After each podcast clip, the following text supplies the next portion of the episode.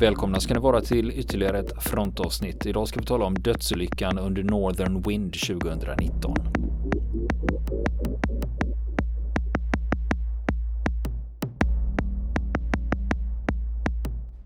Ja, välkomna till fronten. Vi gör en karantäninspelning idag.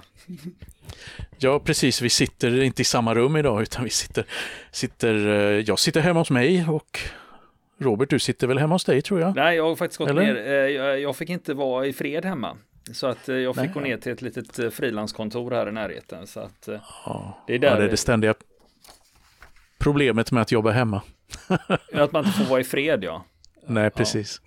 Ja, ja det är helt Ja, det är lite speciella omständigheter just nu i, i samhället som vi märker. Mm. Vi pratar, det här är ju, vi, det här är ju mars 2020 eh, och det är ju eh, det här med coronavirus då som vi befinner oss i just nu som ja. inte har undgått precis. någon. Mm. Men vi anpassar oss. Ja, precis. Eh, du, jag tänkte berätta en historia idag. Mm.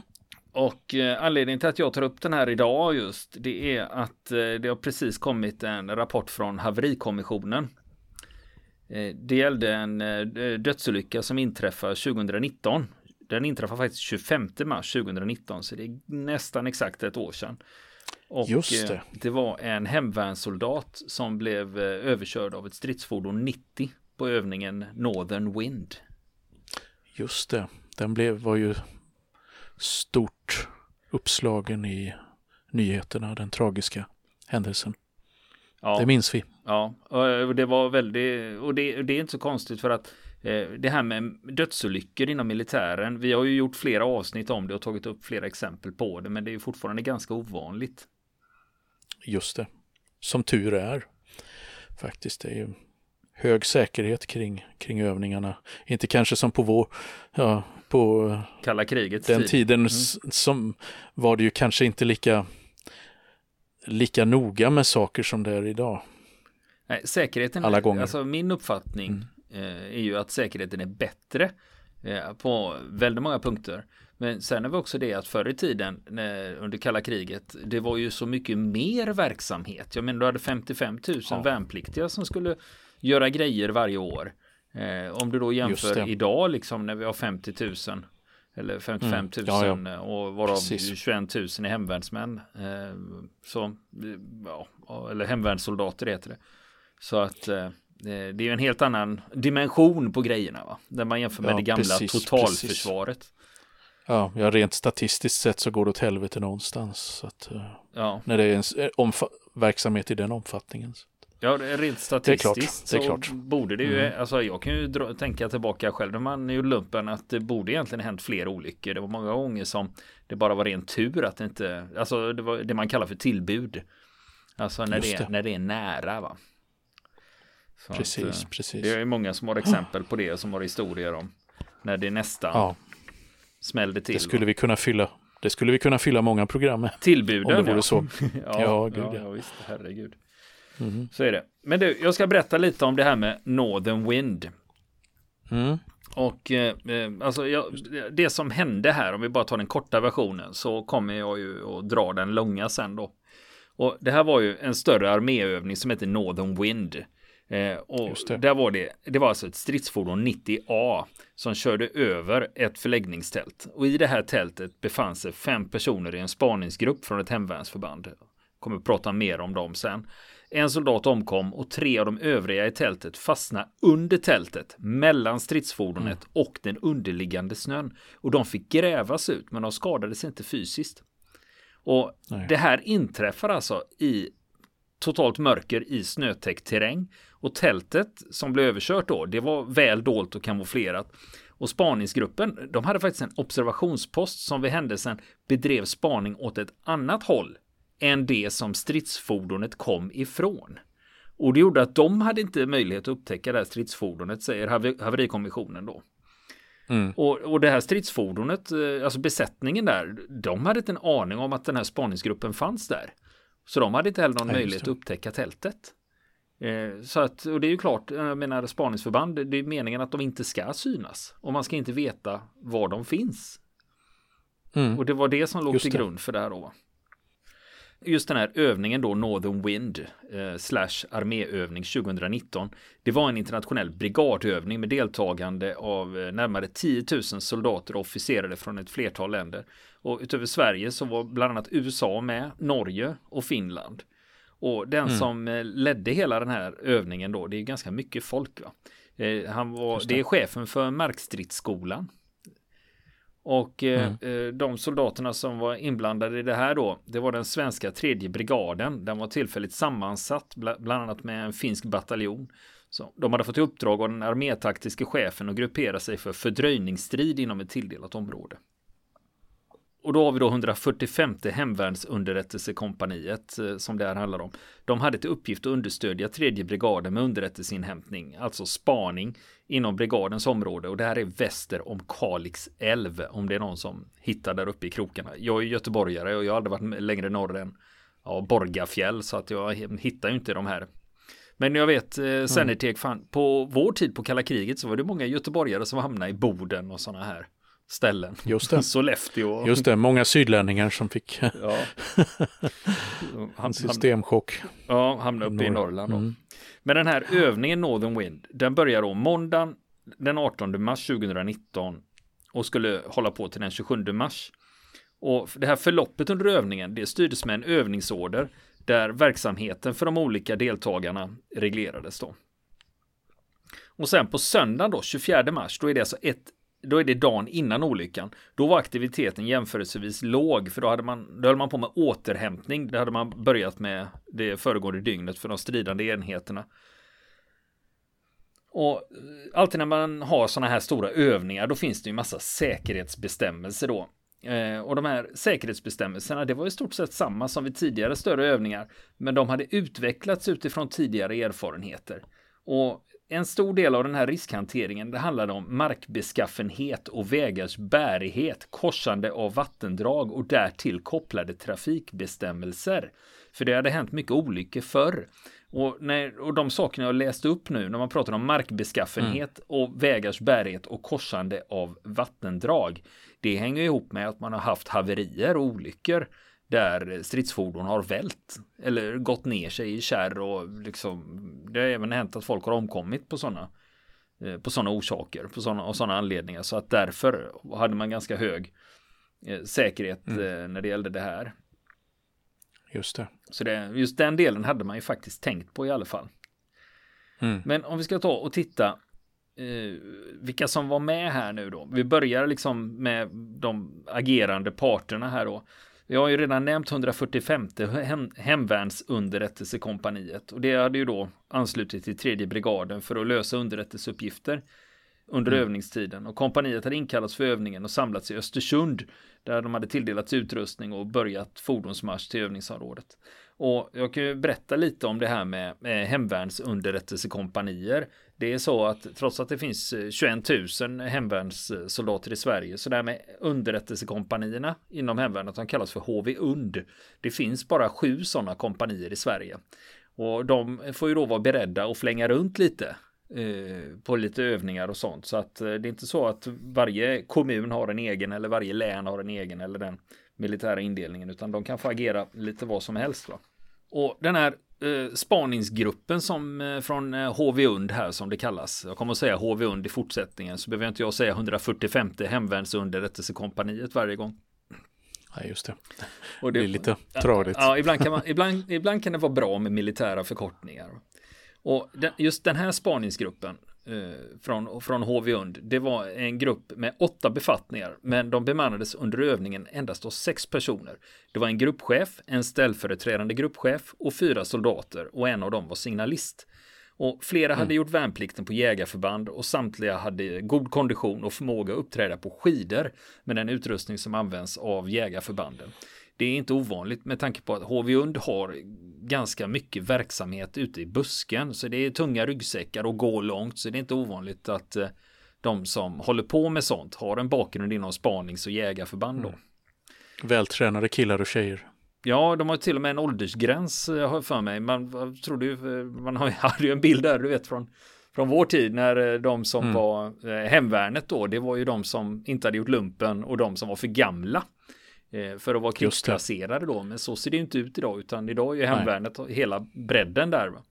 Och jag vet om att HVUN då, de har ju en åldersgräns då, för de vill inte ha för gamla människor då, eftersom det är ganska fysiskt krävande då. Det är så här att eh, HVUnd-gruppen där, de kommer upp då eh, och då ska de eh, göra en skidmarsch först. Och den varar i två dygn, bortsett från nattvilan. Men under den här skidmarschen, då skadade sig gruppchefen så han fick avbryta övningen. Och det som hände var att då fick ställisen, alltså den ställföreträdande gruppchefen, då ta över som gruppchef. Och då var de fem kvar. Och de fortsatte och genomförde en ansträngande skidmarsch innan de vid lunchtid dagen före olyckan, alltså den 24, då når de sin observationsplats där de ska ligga.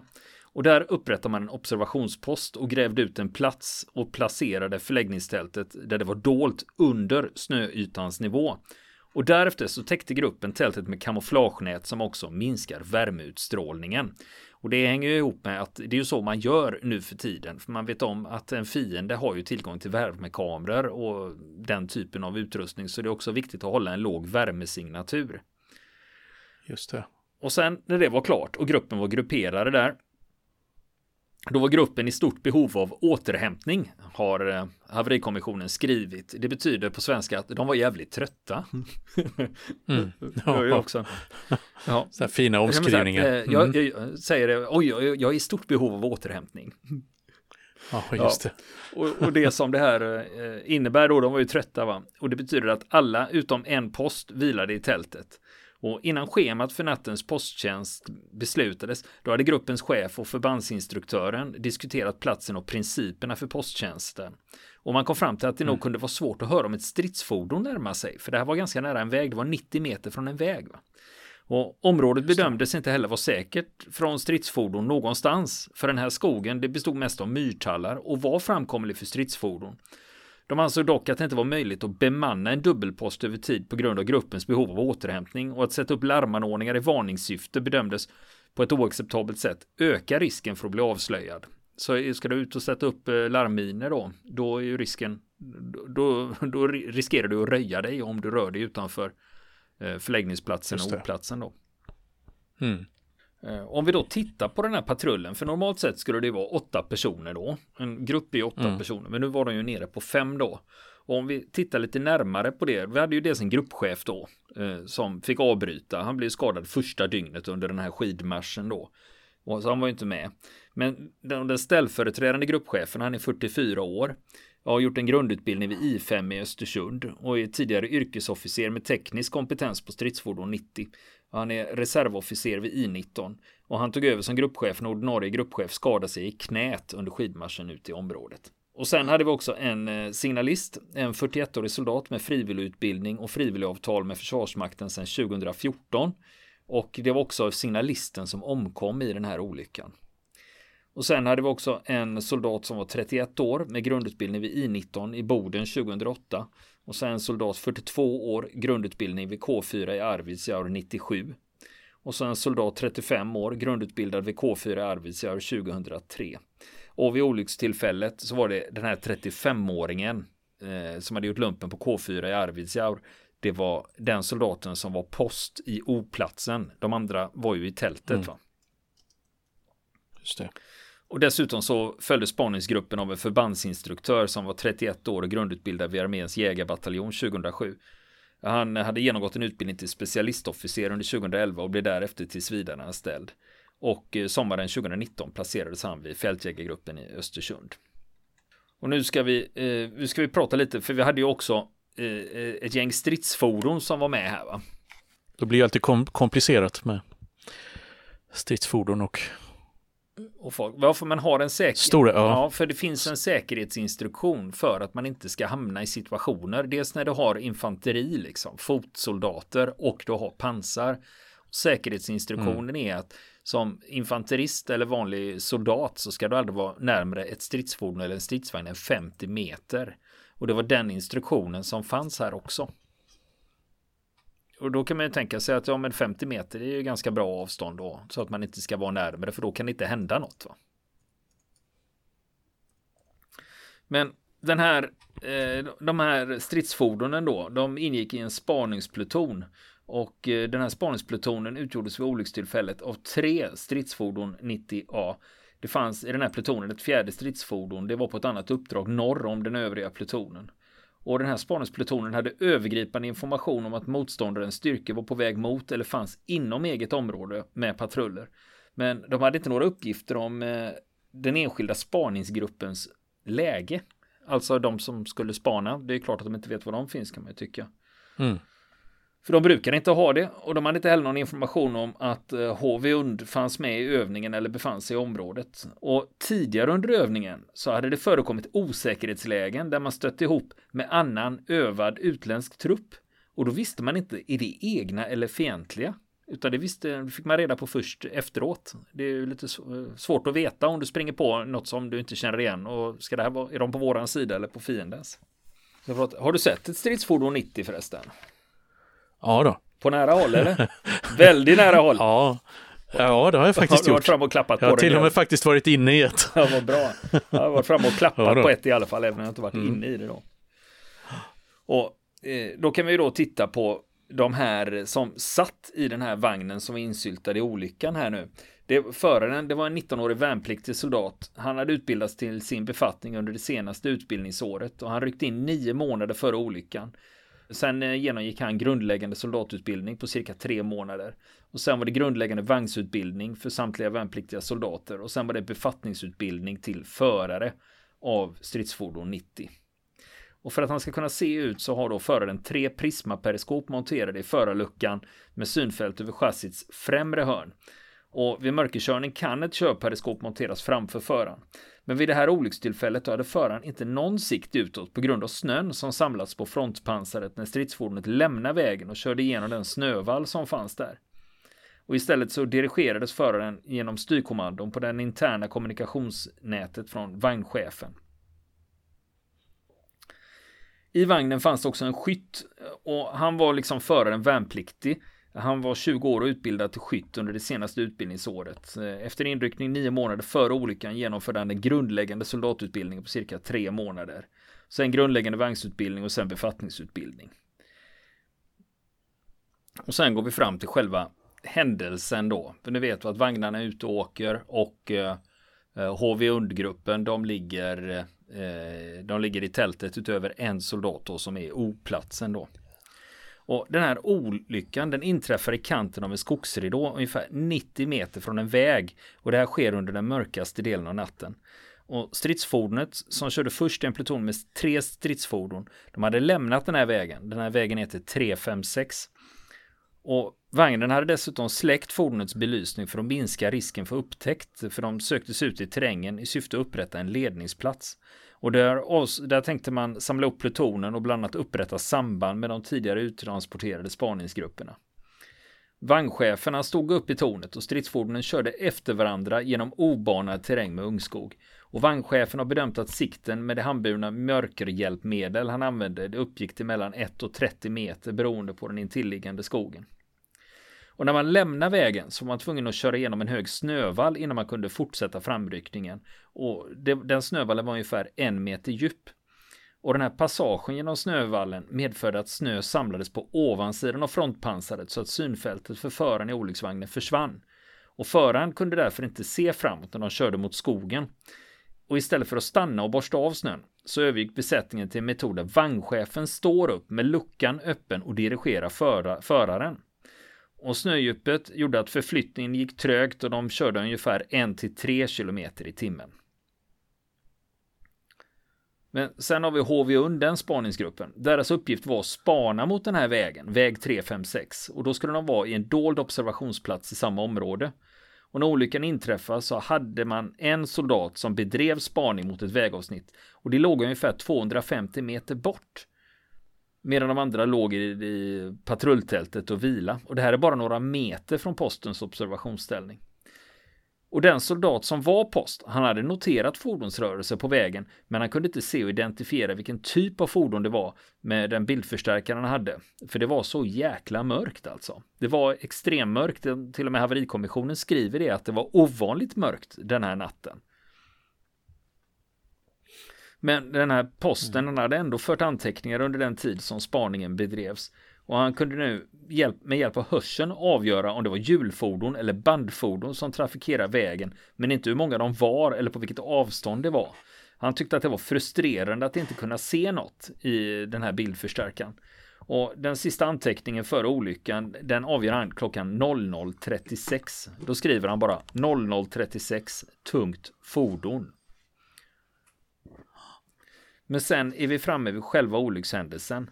Då är det omedelbart före olyckan. Då hör posten träd som knäcks och plötsligt såg han bandaggregat från ett stridsfordon röra sig omedelbart framför honom. Och det ser han genom det här smala siktfältet som posteringen hade. Det är nämligen så att de har ju bäddat in den här posten så den ska ju inte kunna synas från något håll. Men eh, så han har ett väldigt smal siktskåra ut. Men det betyder också att han har ju väldigt eh, dålig vinkel och ser runt omkring vad som händer utan han kan ju bara titta ut genom den här siktskåren och inget mer va. Men när han ser det här bandaggregatet dyka upp framför sig då ställer han sig upp och skriker stopp, stopp och det gör han för att då påkalla stridsfordonsbesättningens uppmärksamhet. Och när han gör det, då hör vagnchefen ljud som verkar komma utifrån och då beordrar han stopp till föraren och då stannar han stridsfordonet omedelbart. Och vagnchefen tittar åt vänster sida och neråt. Där han hörde någon som skrek och han såg en soldat som stod där. Och soldaten förklarade att de stod med stridsfordonet över ett förläggningstält. Och stridsfordonsbesättningen övervägde spontant att backa ur läget. Men de tänkte, vi gör inte det för det kan bli mer skador om det är folk som ligger där. Mm. Och de stoppar därför motorn och så börjar de larma och så påbörjar man hjälpinsatsen. Och den här olyckan inträffar då klockan 00.44 kvart i ett på natten. Och under tiden... det måste gått väldigt fort alltså. Ja, ja, den kommer ju... Okej, okay, den körde ju inte skitfort va. Men... Eh, men jag, jag har tittat på kartan. Men dök upp plötsligt. Ja, mm. ja han, han, i och med att han hörde ju bara ljud. Han såg ju, han såg ju väldigt lite om vad som ja, hände nere på vägen. Och den här kom ur en vinkel som han inte hade span mot. Va? Utan han mm. hade en liten smal vinkel som han kikade ut genom ner mot vägen. Och den här kommer i en död vinkel. Eh, det här stridsfordonet och plötsligt så är det bara framme där va. Och det som händer sen, det är under tiden som vagnchefen larmar och informerar övriga enheter via radio, då lämnar föraren och skytten stridsfordonet för att tillsammans med den soldat som stoppat fordonet, då börjar de frigöra de som befann sig i tältet. Och stridsfordonet stod med banden på patrulltältet. Och det fanns, det fanns ju fem personer i tältet vid, när den här olyckan skedde. Och en person i tältet hamnar på vänster utsida om bandet. Och den personen kunde snabbt komma ut ur tältet. Tre personer i tältet hamnade mellan stridsfordonets band under främre delen av stridsfordonet och de var fysiskt oskadda men de var fastklämda under tältduken mellan snön och stridsfordonet. Mm. Låt det sjunka in lite. Eh, ja, att ligga, du är alltså överkörd av ett stridsfordon och ligger ja, fastklämd visst. Eh, med en tältduk mellan stridsfordon och snö. Ja, jag, jag, jag har ju inte cellskräck eller sånt, men i ett sån situation skulle jag nog vara beredd att ändra mig. Ja. Och då upptäcker man också att en person är klämd under den främre vänstra delen av stridsfordonet och den här personen svarar inte på tilltal. Och personal från bakomvarande stridsfordon, liksom plutonens övningsledare, eh, ansluter. Man diskuterar om man skulle backa ut fordonet, men man beslutar inte göra det eftersom det skulle öka risken för fler skador och de lyckas tillsammans skotta bort den snö som hindrar evakueringen och de som satt fast under fordonet och fick genom att skära upp tältduken ut dem. Så de fick ut dem då. Och det som händer här, det är att eh, den en, en av de här soldaterna, den här 41-åriga signalisten, omkom omedelbart. Och eh, soldaten förklaras avliden vid bataljonsläkarens ankomst. Och de övriga inblandade klarar sig utan fysiska skador. Och eh, haverikommissionen skriver i sin rapport att en bidragande faktor till att det inte blev fler personskador, det var att fordonet inte backades från platsen innan man hade fått ut de som var fastklämda under fordonet. Mm. Så man gjorde rätt i att man bara stängde av motorn och lät det stå kvar och sen gräver och skär upp tältduken då.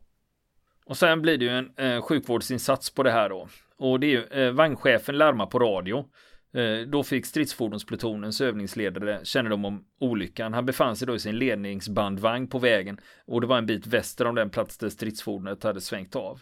Och ledningsbandvagnen körde mot den position där man bedömde att stridsfordonsplutonen befann sig och man kom dit redan efter 5 till 7 minuter. Och övningsledaren han säger eh, man rör inte stridsfordonet förrän man fått ut de tre soldaterna som var vid medvetande. Och det tog tio minuters grävande innan de var ute. Och de hade grävt så mycket som det var möjligt med hänsyn till fordonet och kärlen. Då bedömde de att för, för, att få loss den medvetslösa personen som var klämd under bandet var de tvungna att backa stridsfordonet. Och då hade det gått ungefär 20 minuter sedan olyckan inträffade. Då anländer sjukvårdsbandvagn med sjukvårdare. Och strax därefter en bil med bataljonsläkaren. Och läkaren undersökte den medvetslösa soldaten och förklarade att denne var avliden. Och de soldater som tillhörde patrullen de omhändertogs och fick värme och vila i en bandvagn i väntan på transport till förbandsplatsen. Men det, det, var ju så att säga den militära delen av räddningsinsatsen. Sen kommer ju den civila då. Och det är klockan 00.57, alltså 13 minuter efter olyckan. Då fick SOS Alarm ett samtal om att ett stridsfordon hade kört över en förläggning under övningen Northern Wind. Och det var fyra soldater som uppgavs ha blivit överkörda av stridsfordonet och en av dem hade tagits ut själv men tre var kvar under fordonet. Tre personer mm. uppgavs vara fa fastklämda och två av dem var vid medvetande och en medvetslös. Och den militära personal som var på plats hade försökt att gräva ut personen men ville inte flytta stridsfordonet på grund av ytterligare skador. Och inringaren som var deltagare i den här militärövningen lämnade positionskoordinater för olyckan till SOS-operatören. Och eh, koordinaterna angavs enligt militära positionssystem. Eh, och då har vi ett problem för att SOS-operatörerna har ett annat system. Mm. De har ett eh, system som kallas för koordinatanalys och då kan man ange det i flera olika då, eh, system. Bland annat finns det Sveref 99 TM. Den fungerar. RT90 fungerar. VGS 84 fungerar. Men systemet kan inte hantera MGRS, alltså Military Grid Reference System. Och det innebär att SOS-operatören som tagit emot 112-samtalen kunde därför inte få fram en position med de här koordinaterna som operatören har fått och vill ha hjälp om att hitta positionen. Men som tur var, eh, det fanns en militär sjuktransportledare på plats i SOS-centralen och det här var på grund av eh, militärövningen. För den här skulle vara som en länk mellan militären och SOS Alarm om och, och skulle vara ett stöd då ifall det hände någonting. Och den militära sjuktransportledaren tog fram en position och skrev ner motsvarande civila koordinater på en papperslapp som lämnades till en SOS-operatör. Men problemet är att den position som SOS Alarm därefter tog fram stämde inte med den position som koordinaterna från den inringandes mobiltelefon angav. Och eftersom man också hade kännedom om övningsområdet på SOS-centralen kunde man då komma fram till en ungefärlig person. Så klockan 01.04 då larmas den kommunala räddningstjänsten och ambulans i Överkalix. Sen larmades även ytterligare två ambulanser ut från Kalix. Och även en militär ambulanshelikopter larmades till olyckan. Och militären och de civila räddningsresursernas radiokanaler kombinerades så att de kunde kommunicera med varandra. Och militären placerade också ut personal på vägen vid olyckan för att vägleda räddningsresurserna till rätt plats. Och under tiden som räddningstjänst och ambulans var på väg då kommer militära sjukvårdsresurser till olycksplatsen och personerna som legat under stridsfordonet och som var vid medvetande kunde grävas fram och var fysiskt oskadda. Och då man tog också beslut på att flytta stridsfordonet för ut den fastklämda personen. Och den här militära läkaren som hade kommit dit eh, som konstaterade dödsfallet, det skedde klockan 01.30. Och de som är först framme från de civila myndigheterna, det var den kommunala räddningstjänsten och de var framme 01.27. Och sen kommer ambulansen från Överkalix fem minuter senare. Och i och med att räddningsresurserna när de väl kom fram, då kunde de höra av sig till SOS Alarm och säga ge en exakt position av det här också då.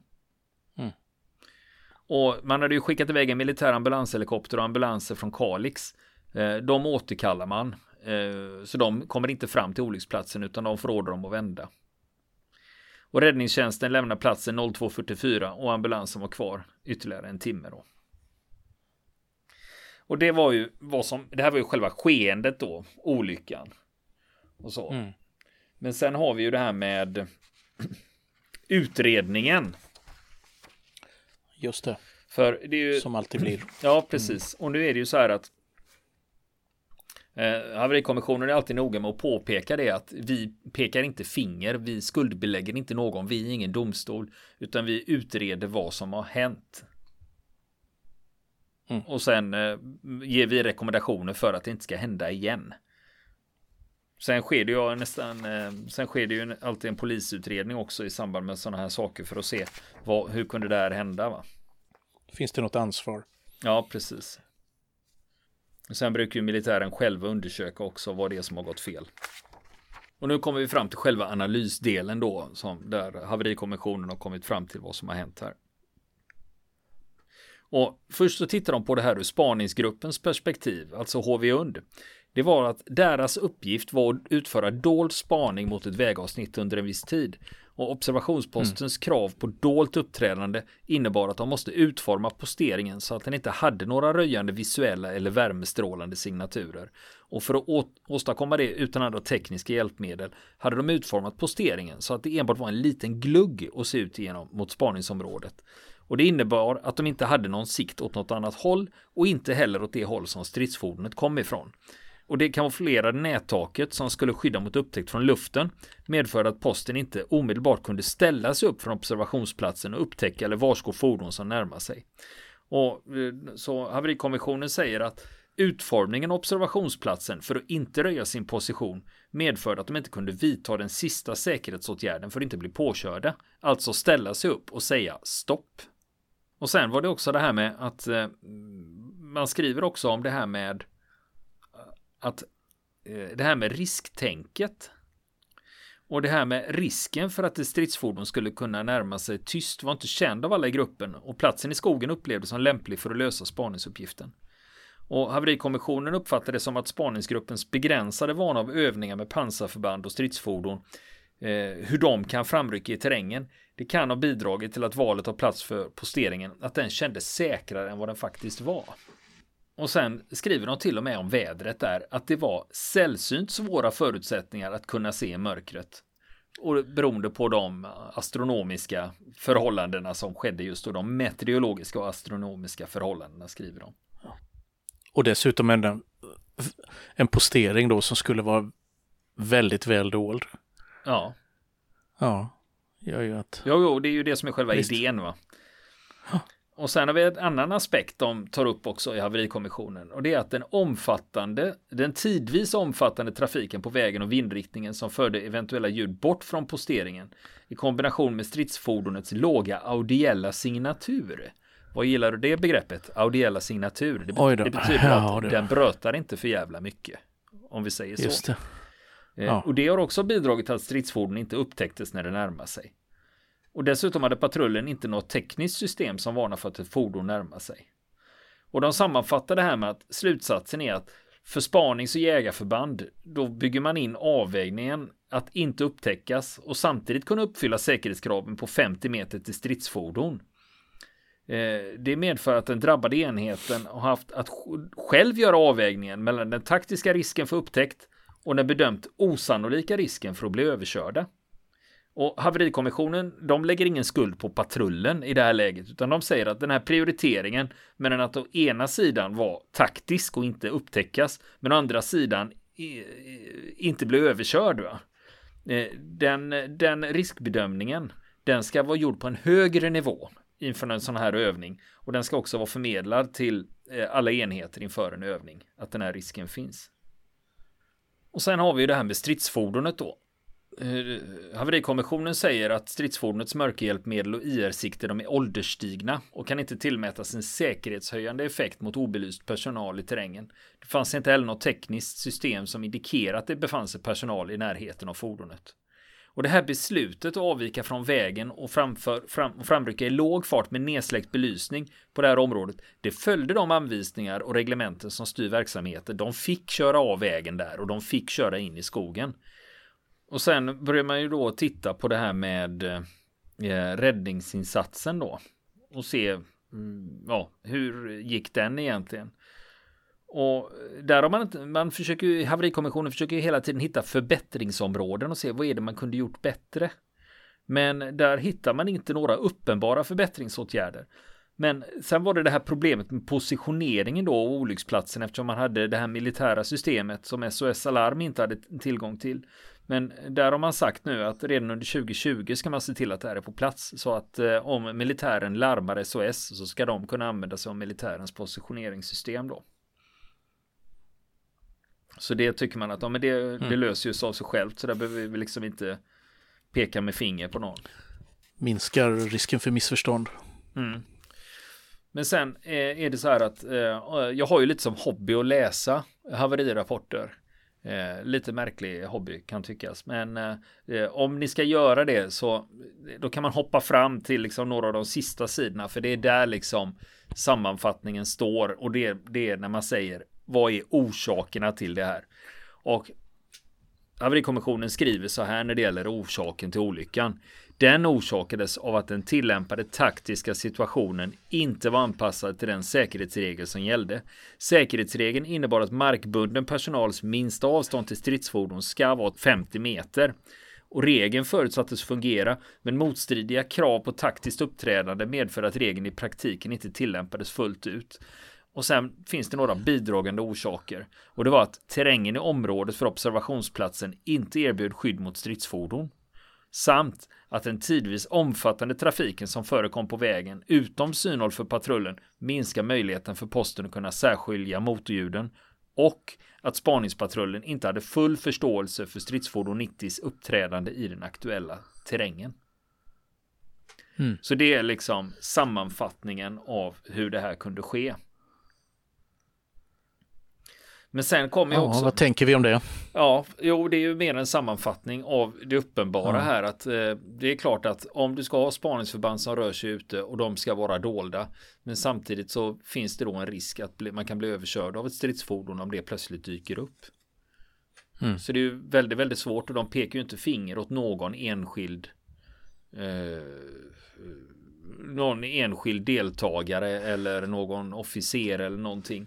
Men man har Eh, man har i alla fall några rekommendationer till Försvarsmakten. Och det är att säkerställa att fastställda säkerhetsregler kan tillämpas i samtliga ledningsnivåer och övningsscenarier. Sen vill man också att de inför ett elektroniskt lednings och lägesuppföljningssystem som medger en säkerhetsmässigt förbättrad uppföljning av övande enheter. Och det är mer för att alltså, kunna hålla koll på var folk är någonstans. Och sen ska man också införa en försvarsmaktsgemensam metod för att sprida information om stridsfordons sätt att uppträda och de säkerhetsrisker som det medför. Och det ska man då ge till de förband som ska öva i samma område som stridsfordon. Hm. Jag läser ytterligare en eh, här. Det här kommer ju då från ja. Statens haverikommission. Det är ju deras slutrapport på den här olyckan då. Mm. Eh, Vet vi hur det blir sen då med andra utredningar kring det här? Nej, jag kan väl tänka mig när sådana här saker händer. Dels gör försvaret sin egen och sen brukar polisen göra en och sen är det faktiskt Arbetsmiljöverket brukar också göra en. För det kan också klassas som en mm. arbetsplatsolycka. Så om du kommer ihåg den här eh, skjutolyckan på Skövde skjutfält vi gjorde ett frontavsnitt om. Eh, mm. Den var ju utredd av, eh, nu var det i och för sig en anställd soldat. Eh, och den här soldaten som avled här var ju frivillig. Det var ju frivillig personal så att Men det är ändå inte omöjligt att det klassas som en arbetsplatsolycka. Just det. Vi får se, men det lutar ju inte åt, så vitt jag vet så lutar det inte åt att någon ska bli liksom åtalad för det här på något sätt. Att Nej. det är liksom någonting. Utan det är ju Nej. ett system alltså systemrisk skulle jag vilja säga. För det här med eh, ja. att säga systemfel, då betyder det att någonting är fel. Va? Men här mm. har vi ju den här... Det är snarare en risk alltså när... när ja, men det här ska ju inte, ja. behöva, det här ska inte behöva hända. Jag menar när man övar i fredstid, då vill man ju inte att soldater ska dö. Nej, precis. precis. Man ser ju gärna att det klarar sig på ett bättre sätt. Ja, det är klart. Men, eh, men det är ju allt, det är ju ett inbyggt problem när när um, stora tunga stridsfordon ska öva tillsammans med, med uh, andra förband som just ska hålla sig, lugg, hålla sig dolda. Ja. Jo, så frågan Och det är, det är lite svårt att se hur, hur ska man lösa det liksom. Vad är... ja. För ett, ett ja, sätt ja. som man faktiskt pekar på i den här rapporten det är också det där att men lägg om ni upprättar er en observationspost på en plats där ni inte kan bli överkörda av stridsfordon då. Vad tror ni om det? Mm. För det, det finns ja. ju, det finns ju platser, äh, stridsfordon kan ju ta sig fram väldigt, väldigt bra. Men det finns ju fortfarande mm. platser där det inte går. Va? Så det är, sådana saker man får fundera över. Precis, men sen finns det ju terräng där det inte finns de möjligheterna som är liksom pansarvänlig. Revingehed och sånt? På de flesta. Ja, Nej, men... ja det är ju svårt, det är svårt att öva en, ha en sån övning där exempelvis. Ja, när det är platt och det inte finns Man ska tänka på säkerhetsaspekten. Ja. ja, jo, men det får ju finnas, precis, du har ju rätt i det att jag menar, då övar du liksom i när det bara är kraftiga tallar, småländsk mm. urskog och sådär där du inte kan ta, ta, där du inte kan, ta, ta, där du inte kan använda stridsfordon. Va? Det, är, mm. Ja, det har du rätt i. Det är ju en sak. Ja. ja, men vi får väl bara hoppas att det inte händer något liknande igen då. Just det, just det. Då återstår väl att se också vad, vad man säger, som du säger, ansvars om polisen tittar på det här också. Jag vet ju inte om de har gjort det än eller om de väntar på, på uh, haveri utredningens slutsatser. Ja, man har inledde ju en brottsutredning. Mm. Polisutredningen som inleddes där, då var det man rubricerar ärendet som vårdslöshet i trafik samt vållande till annans död genom arbetsmiljöbrott. Det är väl mer en standardprocedur i sån här allvarligt läge. När, ja, jo, när, men, men det är just det att för att polisen ska kunna göra någonting så måste de först rubricera brottet som någonting. Det är ju samma sak när polisen påträffar en död person. De har inte någon aning om vad som har hänt. Då, då, då börjar de utreda det som mord eller alternativt dråp. För att i alla fall kunna rubricera det för att kunna sätta igång med någonting. Eh, för så länge de inte har en rubricering på det så kan de inte göra något. Liksom. Ja, då får vi helt enkelt se vad det här kommer vilka lärdomar man kommer dra av detta inom försvaret. Ja. Och hur man kommer agera framöver. Ja, för polisen, eller fel, försvaret, de har ju gjort sin utredning redan. Den var ju klar redan i december 2019. Eh, och de säger ju själv, då säger ju försvaret att det var ett flertal faktorer och orsaker som sammanföll och oberoende av varandra har det lett fram till olyckan och det gör att ingen enskild kan lastas för det som inträffade. Det är det som försvaret säger. Men mm. de säger också att däremot kan man inte ge nog med beröm till de som deltagit i räddningsarbetet. För det tyckte de var eh, alldeles utmärkt. Mm. Ja, det, må, det, måste ju ha skett enligt regelboken i princip. Ja, precis. Och man hade ja. ju eh, räddningsresurser och sjukvårdsresurser framme ganska fort. Så att eh, Just det. det kom ju igång ja. ganska omedelbart där och det är ju tacksamt. Ja, ja visst. Och att det inte blev värre. Vi kunde ju egentligen haft eh, eh fem döda. Mm. I det här scenariot. Det. Eller sex döda i värsta fall. Då, liksom. Så att eh, så det får man väl vara tacksam över i alla fall. Just det. Att det kunde ju blivit väldigt, väldigt illa. Precis. Eller ja, det var ju illa nog som det var, men det kunde varit värre. Ja, verkligen. Verkligen. Vill ni komma i kontakt med oss så kan ni göra det via vår Facebook-sida som heter Fronten. Det är inga problem för er att leta er fram där. Eller också så mejlar ni på vår mejladress och det är frontenpodcastgmail.com.